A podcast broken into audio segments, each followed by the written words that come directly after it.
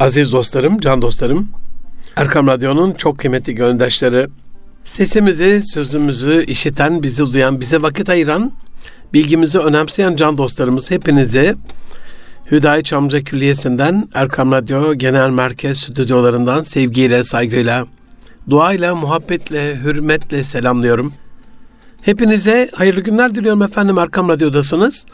Münir Arıkan'la Nitelik İnsan programında 2023'ün 29. programında inşallah geçen haftadan başladığımız kalitenin hayatımızdaki yeri ve önemine devam edip Allah lütfederse bu hafta bitirmeye çalışacağım.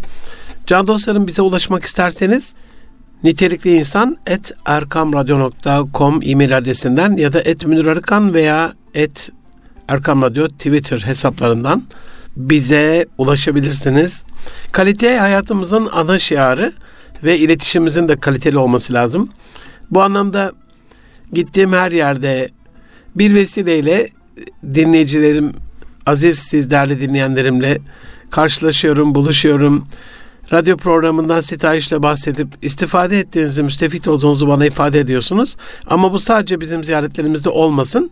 Siz de çat kapı, e-maille, telefonla, mektupla, mesajla bir şekilde bize sesinizi ve sözünüzü ulaştırıp istişari anlamda bilginizi, önerilerinizi, isteklerinizi, eleştirilerinizi baş tacı olarak kabul ettiğimizin bilgisiyle bize lütfen ulaştırınız.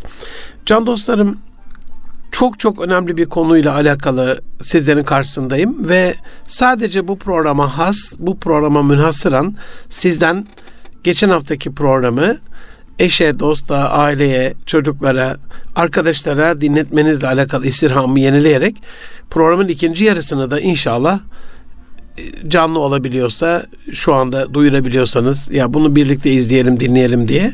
Yoksa arşivimize girip www.erkama.com web sitesinden program arşivinden dinlemenizi dinletmenizi bu programa ve içeriğine bu programa münhasıran kalite anlamında Müslümanın hayatında kalitenin kalitenin hayatımızdaki yeri ve öneminin idraki anlamında eğer paylaşırsanız çok çok sevinirim. Aziz dostlarım, geçen hafta malumunuz olduğu üzere hatırlayacaksınız.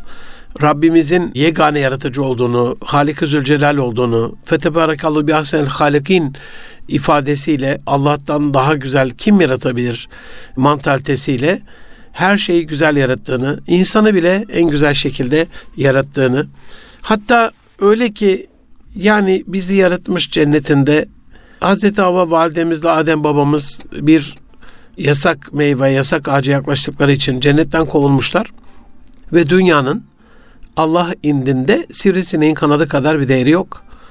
Öylesine onun adına değersiz bir şeyi bize değerli kılmak adına şu sürgün yerimizde bize yaptığına bir bakın Allah aşkına. Yani biz bir doktoru şark hizmetine göndersek genelde mahrumiyet bölgesi falan der yani. Ya da bir iş adamını orada yatırıma zorlasak ya burada işte teçhizat yok, altyapı yok, ulaşım e, kıt falan gibi. Gerçi son dönemde epey bir mesafe kat ettik ama yine de hani şarkla garp arasında bir uçurum var. Bu anlamda hani biz birini sürgüne gönderdiğimizde bütün haklarını mahcur etmiş, kısıtlamış oluyoruz.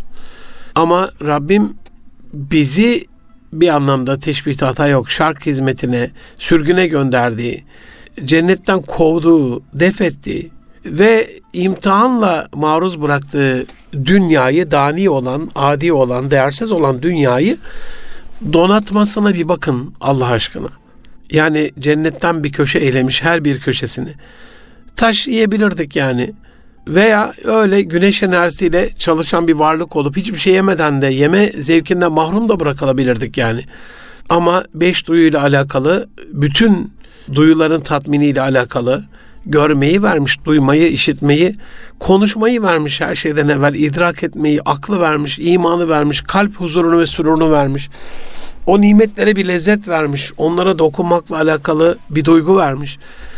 Dolayısıyla her bir zerresinde ve köşesinde şu sürgün yeri dünyayı bile o en güzel yaratıcı olduğu için, yegane yaratıcı olduğu için orayı bile, sürgün yerimizi bile güzel yaratmış. Bu anlamda Müslümanın işi asla ve asla kalitesiz olamaz.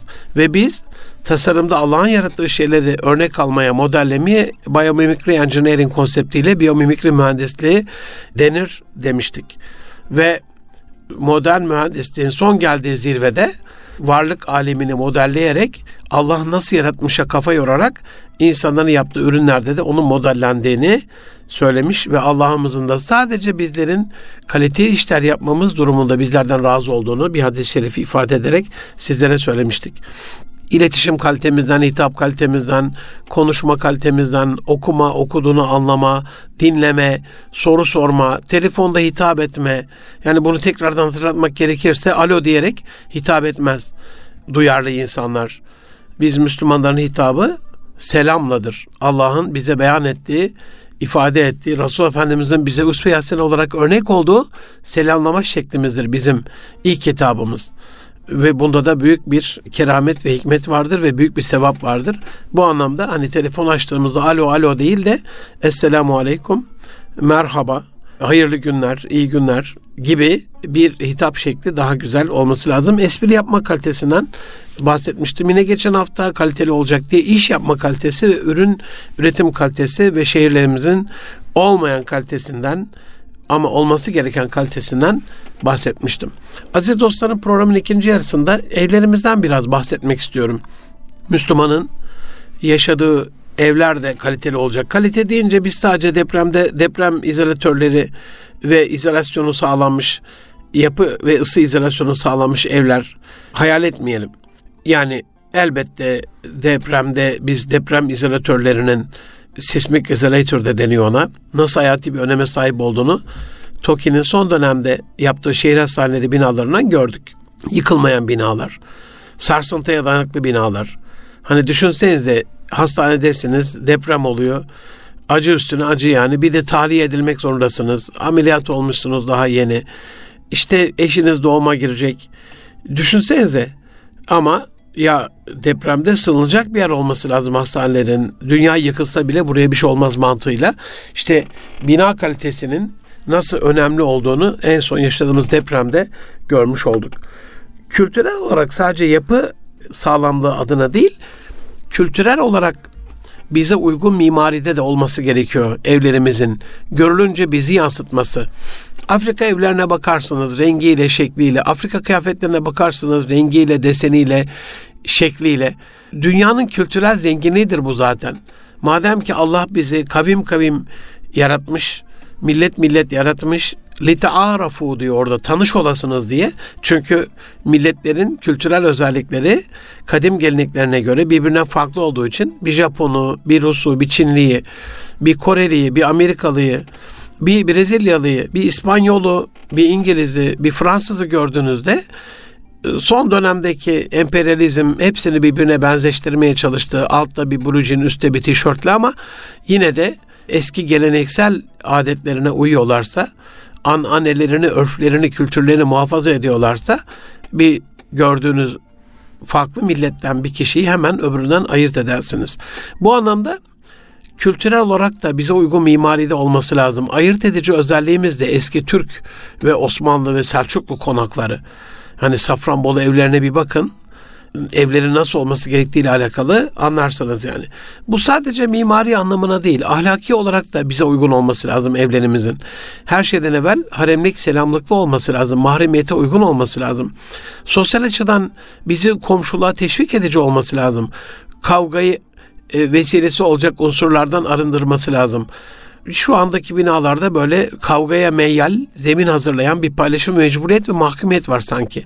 Ne ses izolasyonu var, ne koku izolasyonu var. Yani görür de canı çeker düşüncesine riayet yok. Selamsız, neredeyse düşmanlığa varan bir hayat tarzı içerisindeyiz. E, asansörde birbirimizin yüzüne bakmıyoruz. Yani kültürel olarak bizi yansıtmıyor. Bizim kadim medeniyet yansıtmıyor evlerimiz. Bize ait her şeyden evvel bir değer üretim merkezi de değil evlerimiz geleneksel yaşam tarzımıza uygun değil. İnsanın doğası ve fıtratı ihmal edilmiş. Ne elimiz bir toprağa değiyor, ne ayağımız bir çime basıyor.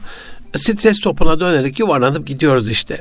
Halbuki aslan yattığı yerden belli olur demiş atalarımız, aziz dostlarım.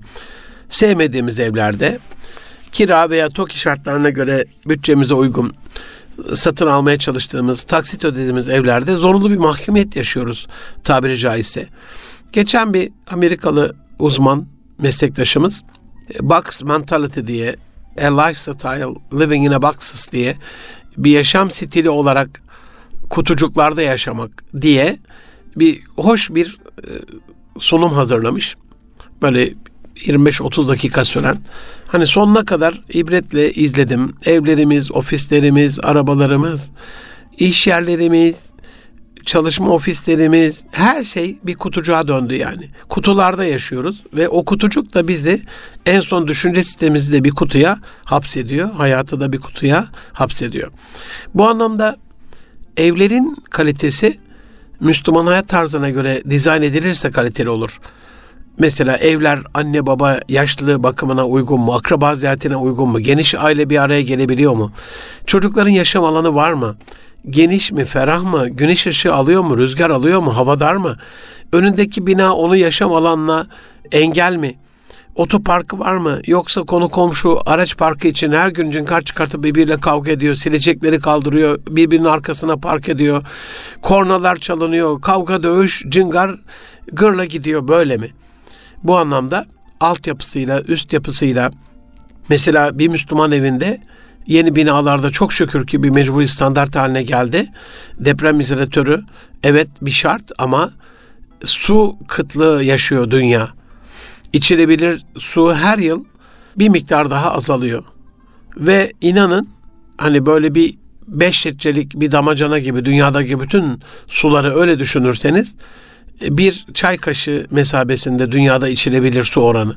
Hani gözünüzde grafik olarak, infografik olarak canlansın diye söyledim. Yani çok çok az içilebilir su.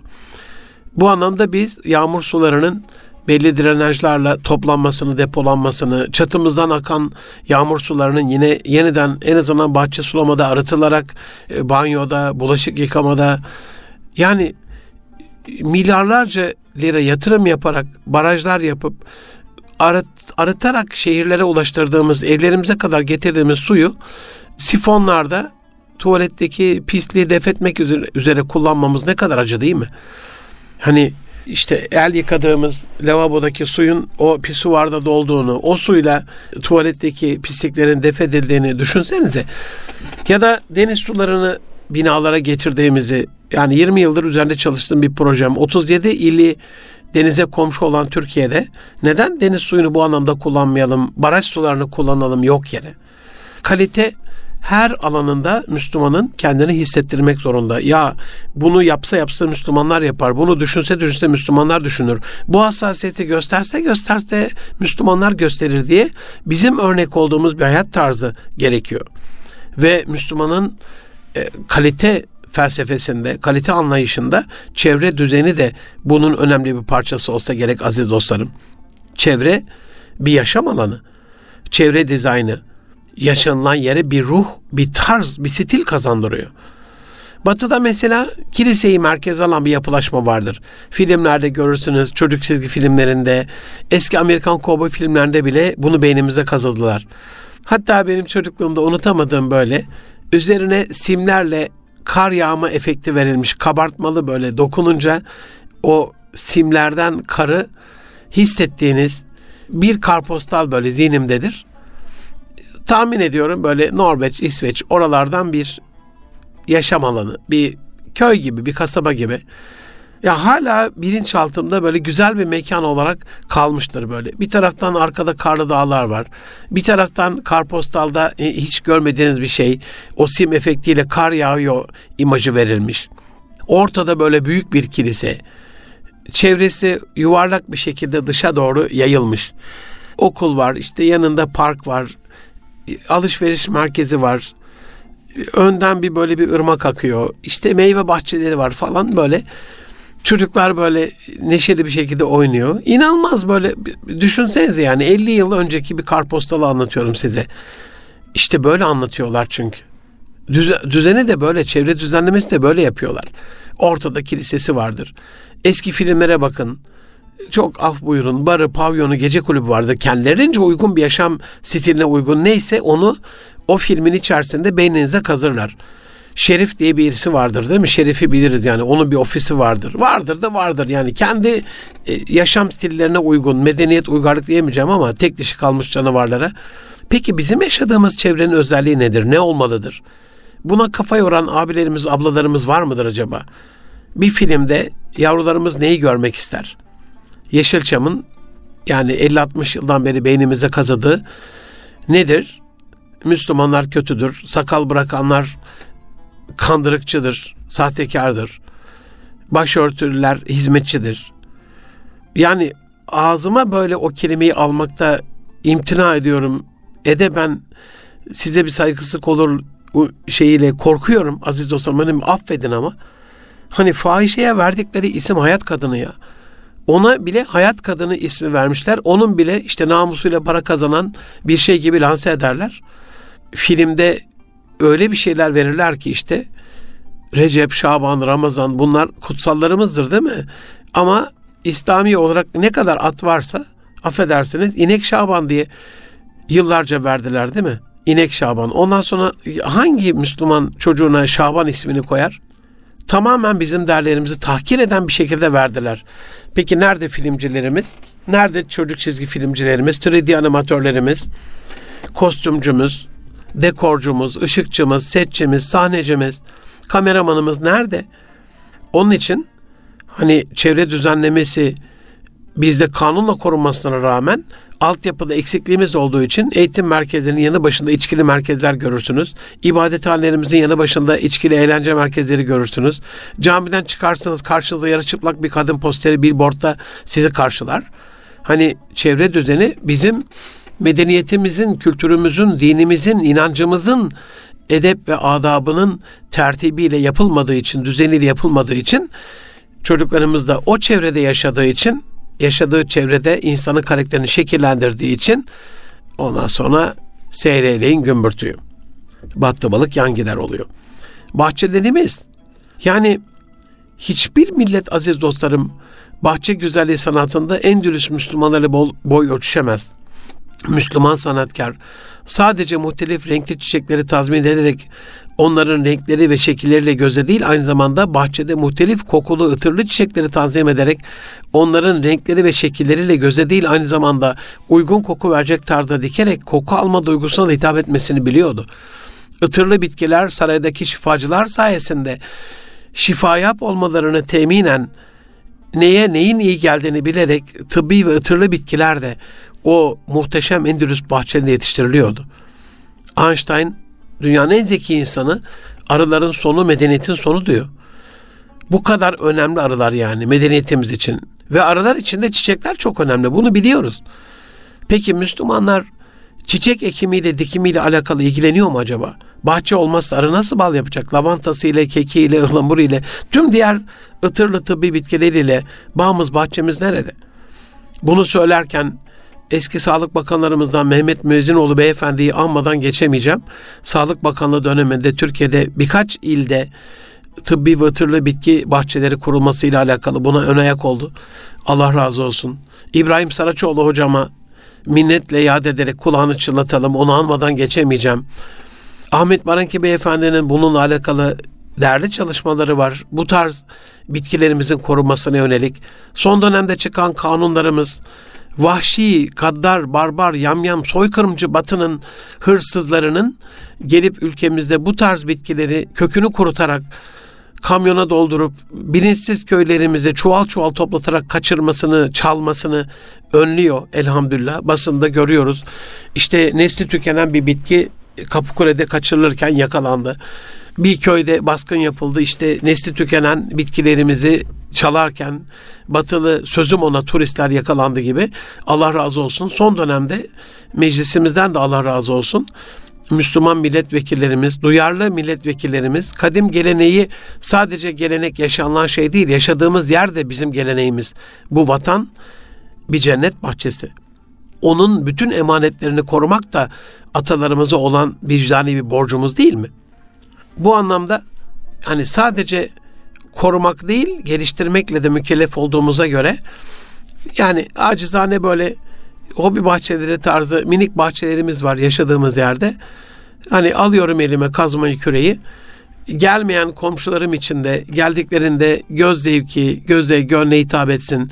Birkaç bir şeyler yesin diye işte inanılmaz yani aklınıza gelebilen 20-30 çeşit o küçücük bahçede bitkiyi onlar için yetiştiriyorum aziz dostlarım.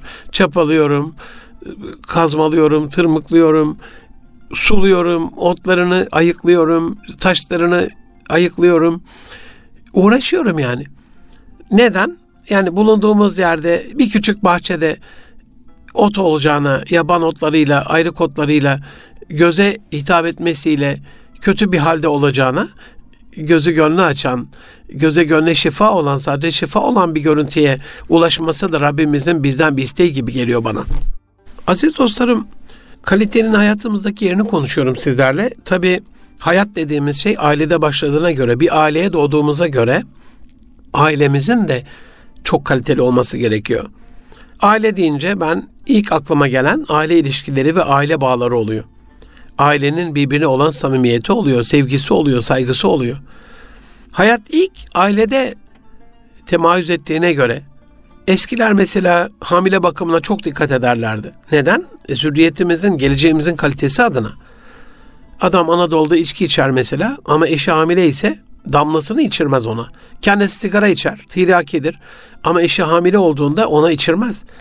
Yani af buyurun, ayyaşın, sarhoşun, serkeşin bile çocuklarının kalitesi zürriyeti umrunda.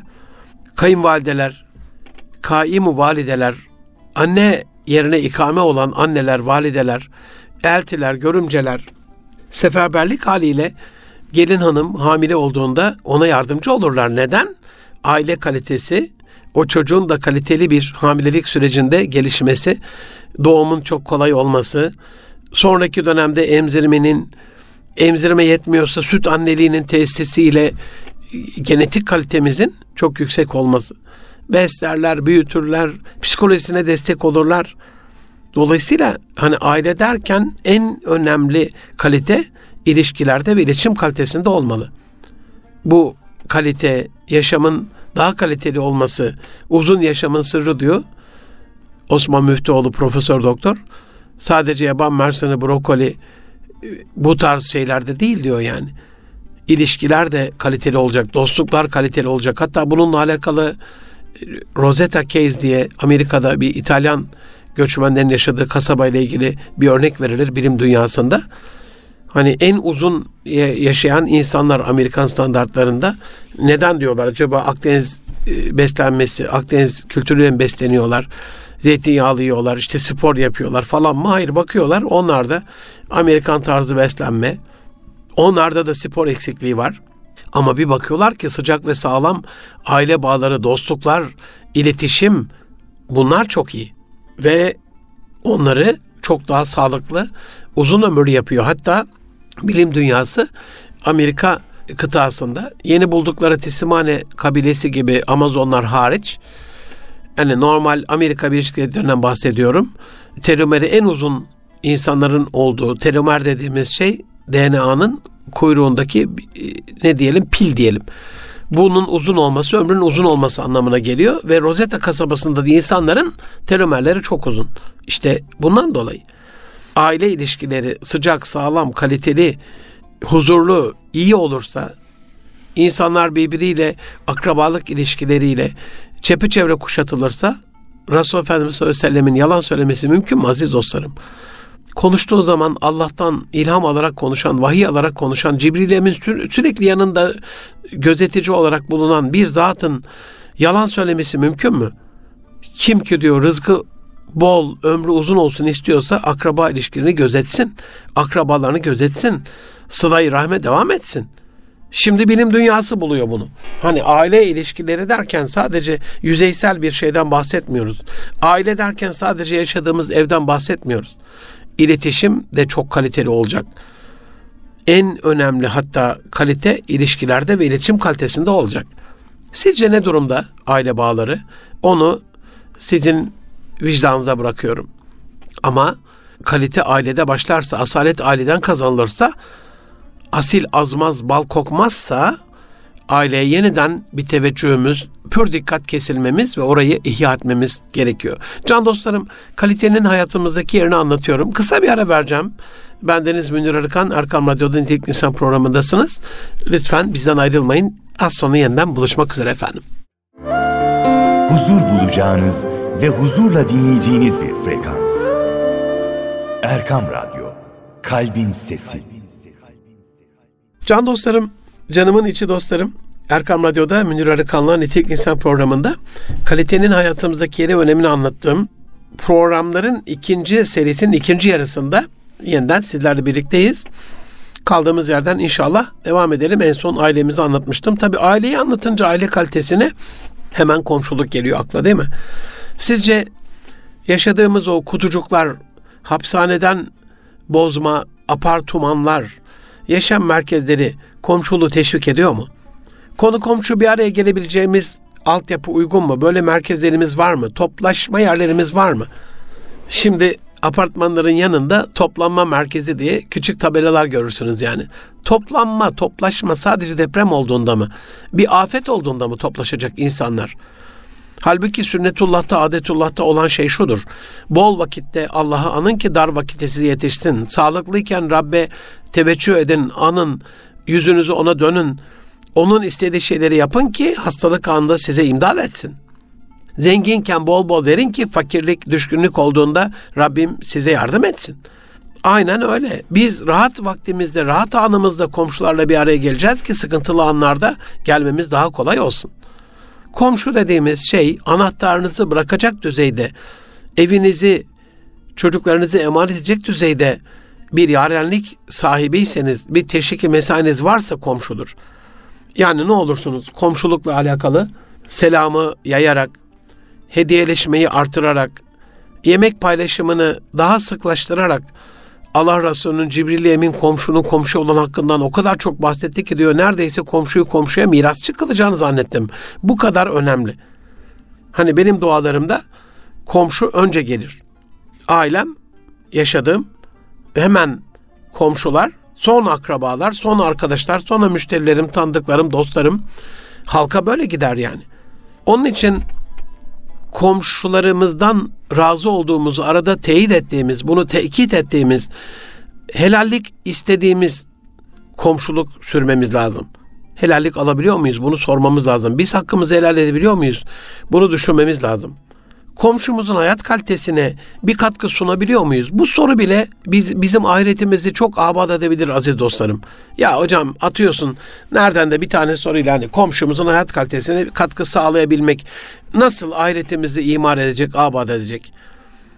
Can dostlarım komşunuzu tanımadan hayatına hayat kalitesine bir katkı sağlayamazsınız.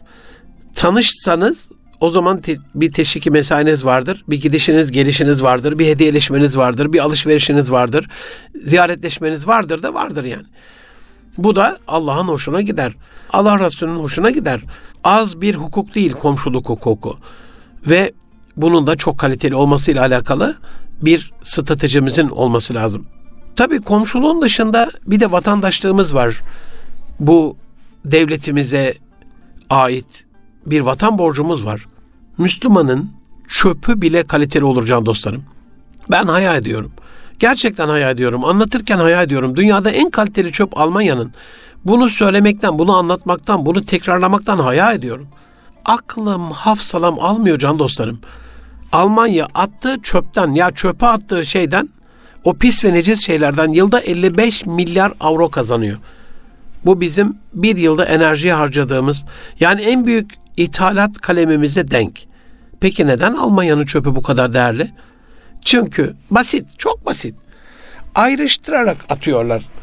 Bu kadar basit. Başka bir sırrı yok. Bunu hem bir vatandaşlık hem de dünyanın geri dönüşümle kaynaklarının koruması yönelik bir sorumluluk olarak görüyorlar. Ayrıştığımız çöp demek de geri dönüşüm sürecinde daha hızlı, daha kolay ve daha kaliteli bir proses demek. Karlı oluyor.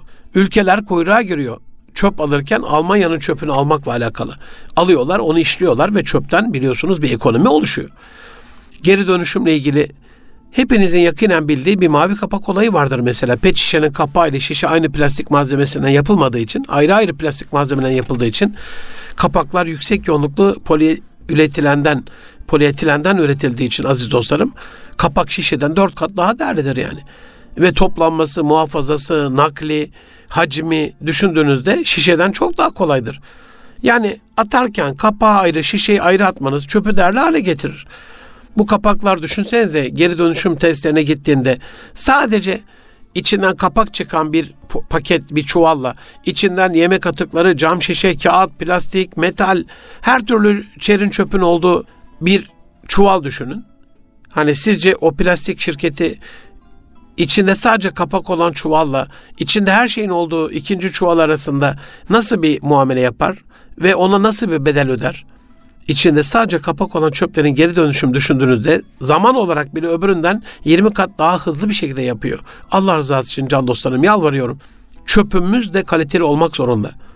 Her şeye değer veriyoruz. Yemeğe, yemekte birini ağırlamaya, kılığa, kıyafete, o can canlı mobilyalara ne zaman bizim de can canlı geri dönüşümle alakalı çöp kovalarımız olur. Bu evlerde de görünür bir hale gelir. Ev estetiğini bozmayan, ev mimarisini, dekorasyonunu bozmayan bir tarzda olur. İşte o zaman daha çocukluktan itibaren çocuklar neyi nereye atacağını bilir. İşte bu sistem kurulmuş olur. Rahmetli dedem, müftü dedem, annem rahmetlinin babası olan Hacı Mahmut Öğütçü, Gaziantep'te. Allah gani gani rahmet eylesin. Ve rahmetli babam. Yani hediye paketini açarken ki hassasiyet ve nezaketlerine hayrandım. Bir kere dedemin ayrı çekmeceleri vardı. Ambalaj kağıdı. Şimdi bir hediye alıyorsunuz, veriyorsunuz. Çocuk cart çurt cart çurt. Ya onu bir açma kalitesi var. Müslümanın bir ambalaj paketini açması da kaliteli olur.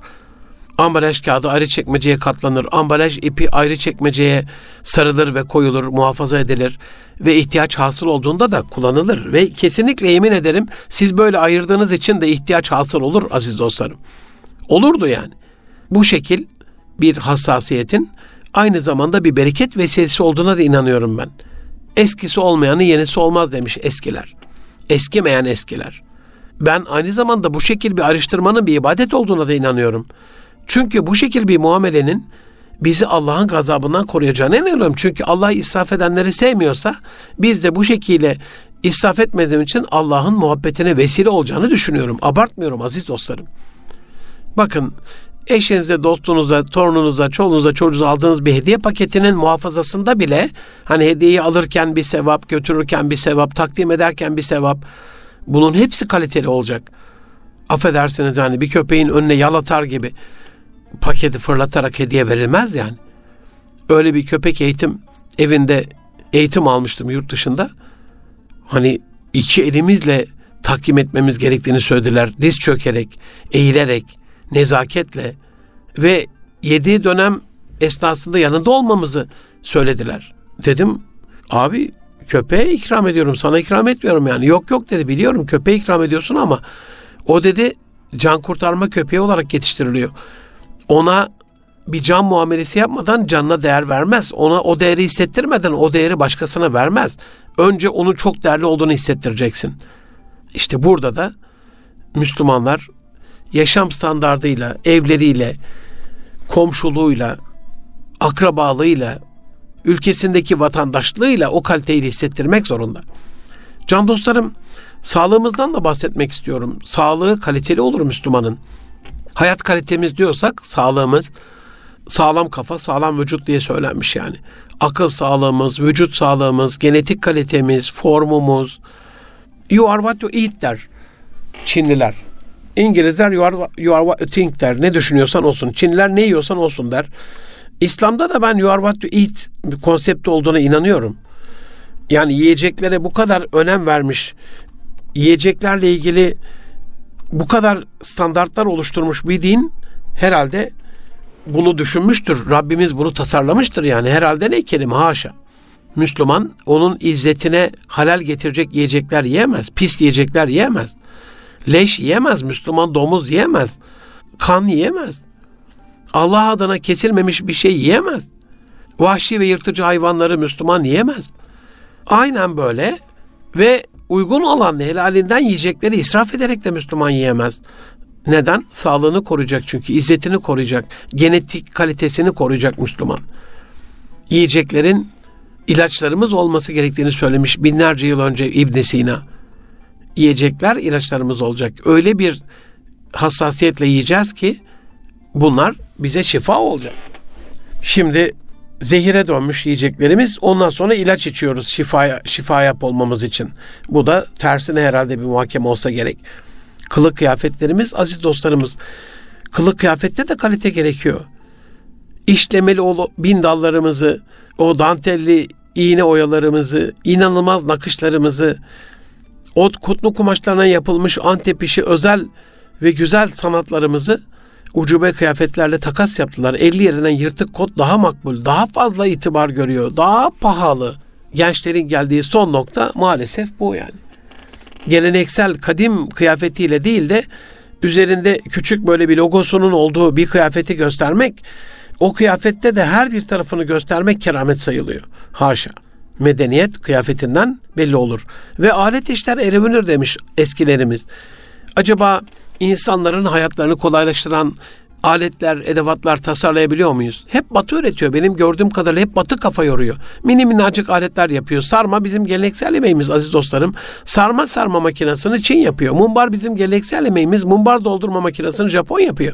Yumurta haşlama bizim kültürümüzün bir geleneği. Yumurta haşlama makinesini Fransızlar yapıyor.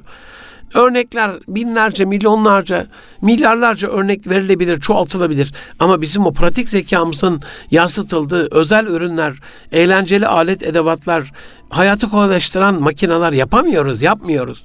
Osmanlı kemalat ile kemalat olmaz demiş. O kemalatın ortaya çıkması için de kötü aletleri iyilerle değiştirmemiz lazım.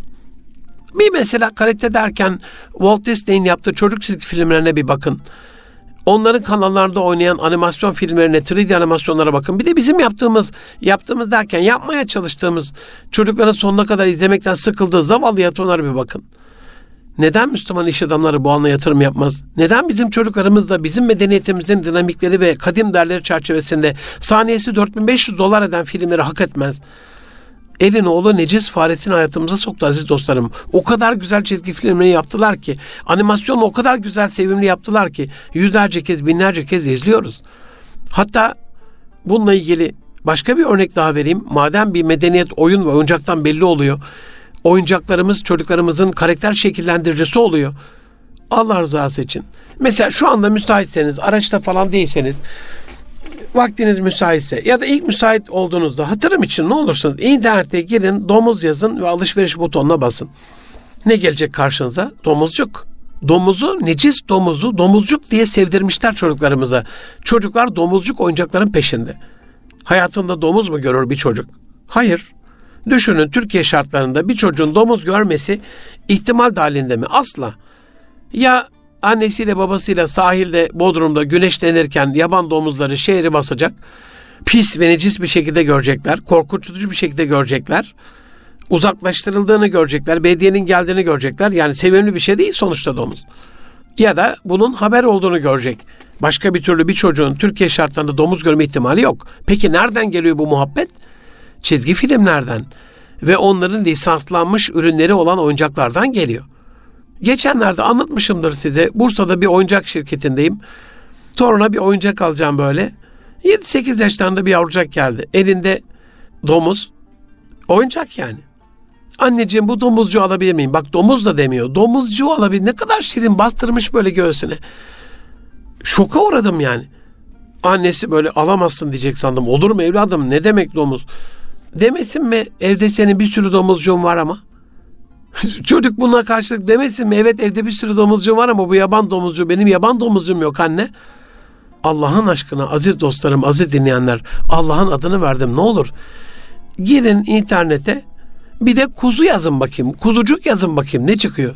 Domuz yazınca domuzcuk çıkıyor ama kuzu yazınca kuzucuk çıkıyor mu acaba? Bizim sedirmemiz lazım değil mi? Hazreti İsmail'i nasıl anlatacağız? Kurbanı nasıl anlatacağız? Hazreti İbrahim'i nasıl anlatacağız? İbrahim'i imanı nasıl öğreteceğiz çocuklara? Kuzu yazınca neden yüzlerce kuzucuk gelmiyor? Sevimli kuzucuklar gelmiyor. Hazreti İbrahim'i anlatan, Hazreti İsmail'i anlatan, kurbanı anlatan, Mekke'yi anlatan, Hacer validemizi anlatan, çiftçiliği, hayvancılığı anlatan bizim kuzularımız neden gelmiyor sizce? Kaliteli ürünler yapmak zorundayız Ve bunun filmlerini de yapmak zorundayız can dostlarım. Yoksa yandı gülüm keten elva. Düşünce kalitesi de çok önemli. Kalite derken aziz dostlarım İslam'da fikir kökünden gelen tefekkür, bir nazar, bir tefekkür, bir işin akıbeti konusunda düşündüğümüz ya da düşünme tedebbürde olduğu gibi geleceğe değil de geçmişe yönelikse tezekkür, zikretme, hatırlama, anma anlamına gelen tezekkür, kalp ile hatırlama, akıldan geçirme anlamında. Ya da tedebbür yani bir işin sonucunu başından hesap etmek anlamına. Tedbir aynı kökten geliyor. Gereken önlemi almak. İtibarın da hani bu konuya itibar edilmez anlamında tedebbürle hemen hemen aynı mana ifade ettiği anlaşılıyor. Teakkul var bir de. Akletmek, akil mastarından. Teorik meseleler üzerine düşünmek, akıllı kişi tutarlı bir şekilde düşünen ve tutkularına karşı kendisini kontrol edebilen kişi deniyor ya. Makul oradan geliyor yine akılla kavranan şey. Hani bir düşünce dedik bakın neler var. Ya da nazar etmek yani. Bakmak, kalp gözüyle bakmak, derununa bakmak, vakıf olmak. Efela yanzurun ile libili keyfe hulikati. Niye diyor Rabbimiz? Nazar etmek olarak bakmaz mısınız anlamına söylüyor. Devenin yaratılışını düşünmez misiniz demiyor. Çünkü bakarak düşünce, nazar ederek düşünce başka bir şey. Gidip develeri izlememiz emredilmiyor herhalde bu ayet-i kerimede. Develerin yaratılışına bakmaz mısınız? Emrine muhatap olduğumuzda develerin yaratılışına bakmak nasıl olursa öyle bakmamız emrediliyor. İşin içinde anatomi var, genetik var, zooloji var, biyoloji var, çevre var, ekoloji var, iklim var, coğrafya var, etnografya var, ticaret, kültür, sosyoloji, sanat bir sürü alt bilim dalının incelenmesi gerekiyor. Sadece deveye ve onun yaratılışına bakmak için. Onun hikmetini anlamak için. İtibar etmek, teemmül, bir nesne hakkındaki düşünceyi zihinde yoğunlaştırma. Ya da rey, hani sizin bu konudaki reyiniz nedir diye sorulur ya, kalp gözüyle bir sizde oluşan fikri kanaat, itikat, müşahede bir şeyin farkındalığıyla alakalı görmek burada anlıyoruz ki kilit taşı. Elinden telefonu düşürmeyen yeni nesilde akıldan da bilgi ve duygu düşmüş durumda. Akıllı telefonlar bir neslin aklını aldı bence. Bırakın ibretle nazar etmeyi, bir şeyin önemini idrak etmeyi, gözlerinin öndeki bir nesneyi görmekten bile uzaklar kendi kişisel eşyalarını bulmaktan aciz bir nesil gelecek kariyerinde yol haritasını nasıl bulacak, doğru yolu nasıl bulacak aziz dostlarım? Bu anlamda düşünce kalitemizi de ıslah etmek, ihya etmek zorundayız. Ve duygu kalitemiz. Duygusallık deyince hep akla cinsellik geliyor. Duygusal. Hani karşı cinste olan bir duygu alışverişi gibi. Duygusallık asıl din ile ilgili bir kavram. En derin duygular dini duygularımızdır. Çünkü gelip geçici bir heves değil, baki duygularıdır cesetle ilgili değil, ruhla ilgili olduğu için ölümsüz duygulardır. Dünya ahiret kavramının birlikte kullanılması, dünyada istenilen bir nimetin ahirette de devamının ve daha iyisinin istenmesi yüzündendir. Din, düşünce ve davranış arasına sıkışmasın diye duygu yüklü ayeti kelimeler ile duygu kalitemizi artırmaya çalışmış. Bu yüzden asıl saadetli sahabe-i kiram duyguları zirvede yaşamış aziz dostlarım. Din duygusal olarak yaşanılmazsa, dini vecibeler içine duygu katılmazsa, duygu katmanında yaşanmazsa, duygu katmanı nüfuz etmezse, edemezse, ettirilmezse kalıcı huzur ve tatmin olmaz. İbadetler de zahiren olur, hazdan uzak olur. Ondan sonra da kalıcı hale gelmediği için terk edilir birçok vecibe geleneğe, örfe, ananeye dönüşemez. Duygu yaşanılarak öğrenilir. Duygu derste öğretilmez. Hayat dolu dolu yaşanarak ifade edilmezse plaza nefsinden duygu ancak bu kadar oluyor. Heyecanı, acıyı, kaybı, korkuyu, hüznü, dehşeti, tüm duygu kartelesindeki hususları bizzat yaşayarak görecek ve öğrenecek. Ki duygu kalitesi oluşsun. Kendine has bir kartelası oluşsun. Duygu ve düşüncemizin kalitesi yeni yetmelerin yaptığı Z kuşağı müziklerinde çok iyi anlaşılıyor. Neredesin aşkım? Buradayım aşkım. Neredesin aşkım? Buradayım aşkım. Şimdi bunu bir tarafa koyun. Bir de tatlı dillim, güler yüzlüm, aceylen gözlüm, göğünüm hep seni arıyor. Neredesin sen? Bir de bunu bir tarafa koyun. Bunun yerini alabilir mi? Yanına bile yaklaşabilir mi aziz dostlarım? Allah rızası için kalite. İslam'da kalite, hayatta kalite, bütün yaşantımızda kalite ürün alıyoruz. Hediye paketi istiyoruz mesela kasiyer kızımızdan. Yalap şalap bir şeyler yapmaya çalışıyor kasadaki görevli. Paketi yapmak da bir sanat. Neden öğretilmez ki bu önemli iş? Unutmayın hayatta bir paket yapma, ambalaj yapma sanatı. Paketi, ambalajı iyi olan kazanıyor. Müslümanın sunumu da güzel olacak, görüntüsü de güzel olacak, kaliteli olacak. Kokusu misk olacak, buram buram ter değil, misk kokacak. Nezaketi ve zarafetiyle etrafını etkileyecek. iz bırakacak yürüdüğü yolda Müslüman. Önder olacak önder ve rehber olacak. İmam olacak. İmame, emameden geliyor. Önde olan demek. Rol model olacak. Müslüman imrenen değil. Batıya hayran olan taklitçi değil. imrenilen, taklit edilen kişi olacak. Cümle alem kalitesine hayran olacak. Ancak Allah o takdirde bizden razı olacak. Hayatınızda kaliteyi ana omurga yaptığınız kaliteli, nitelikli, yetenekli, becerikli bir hayat diliyorum. Hoşça. Allah'a emanet olun can dostlarım.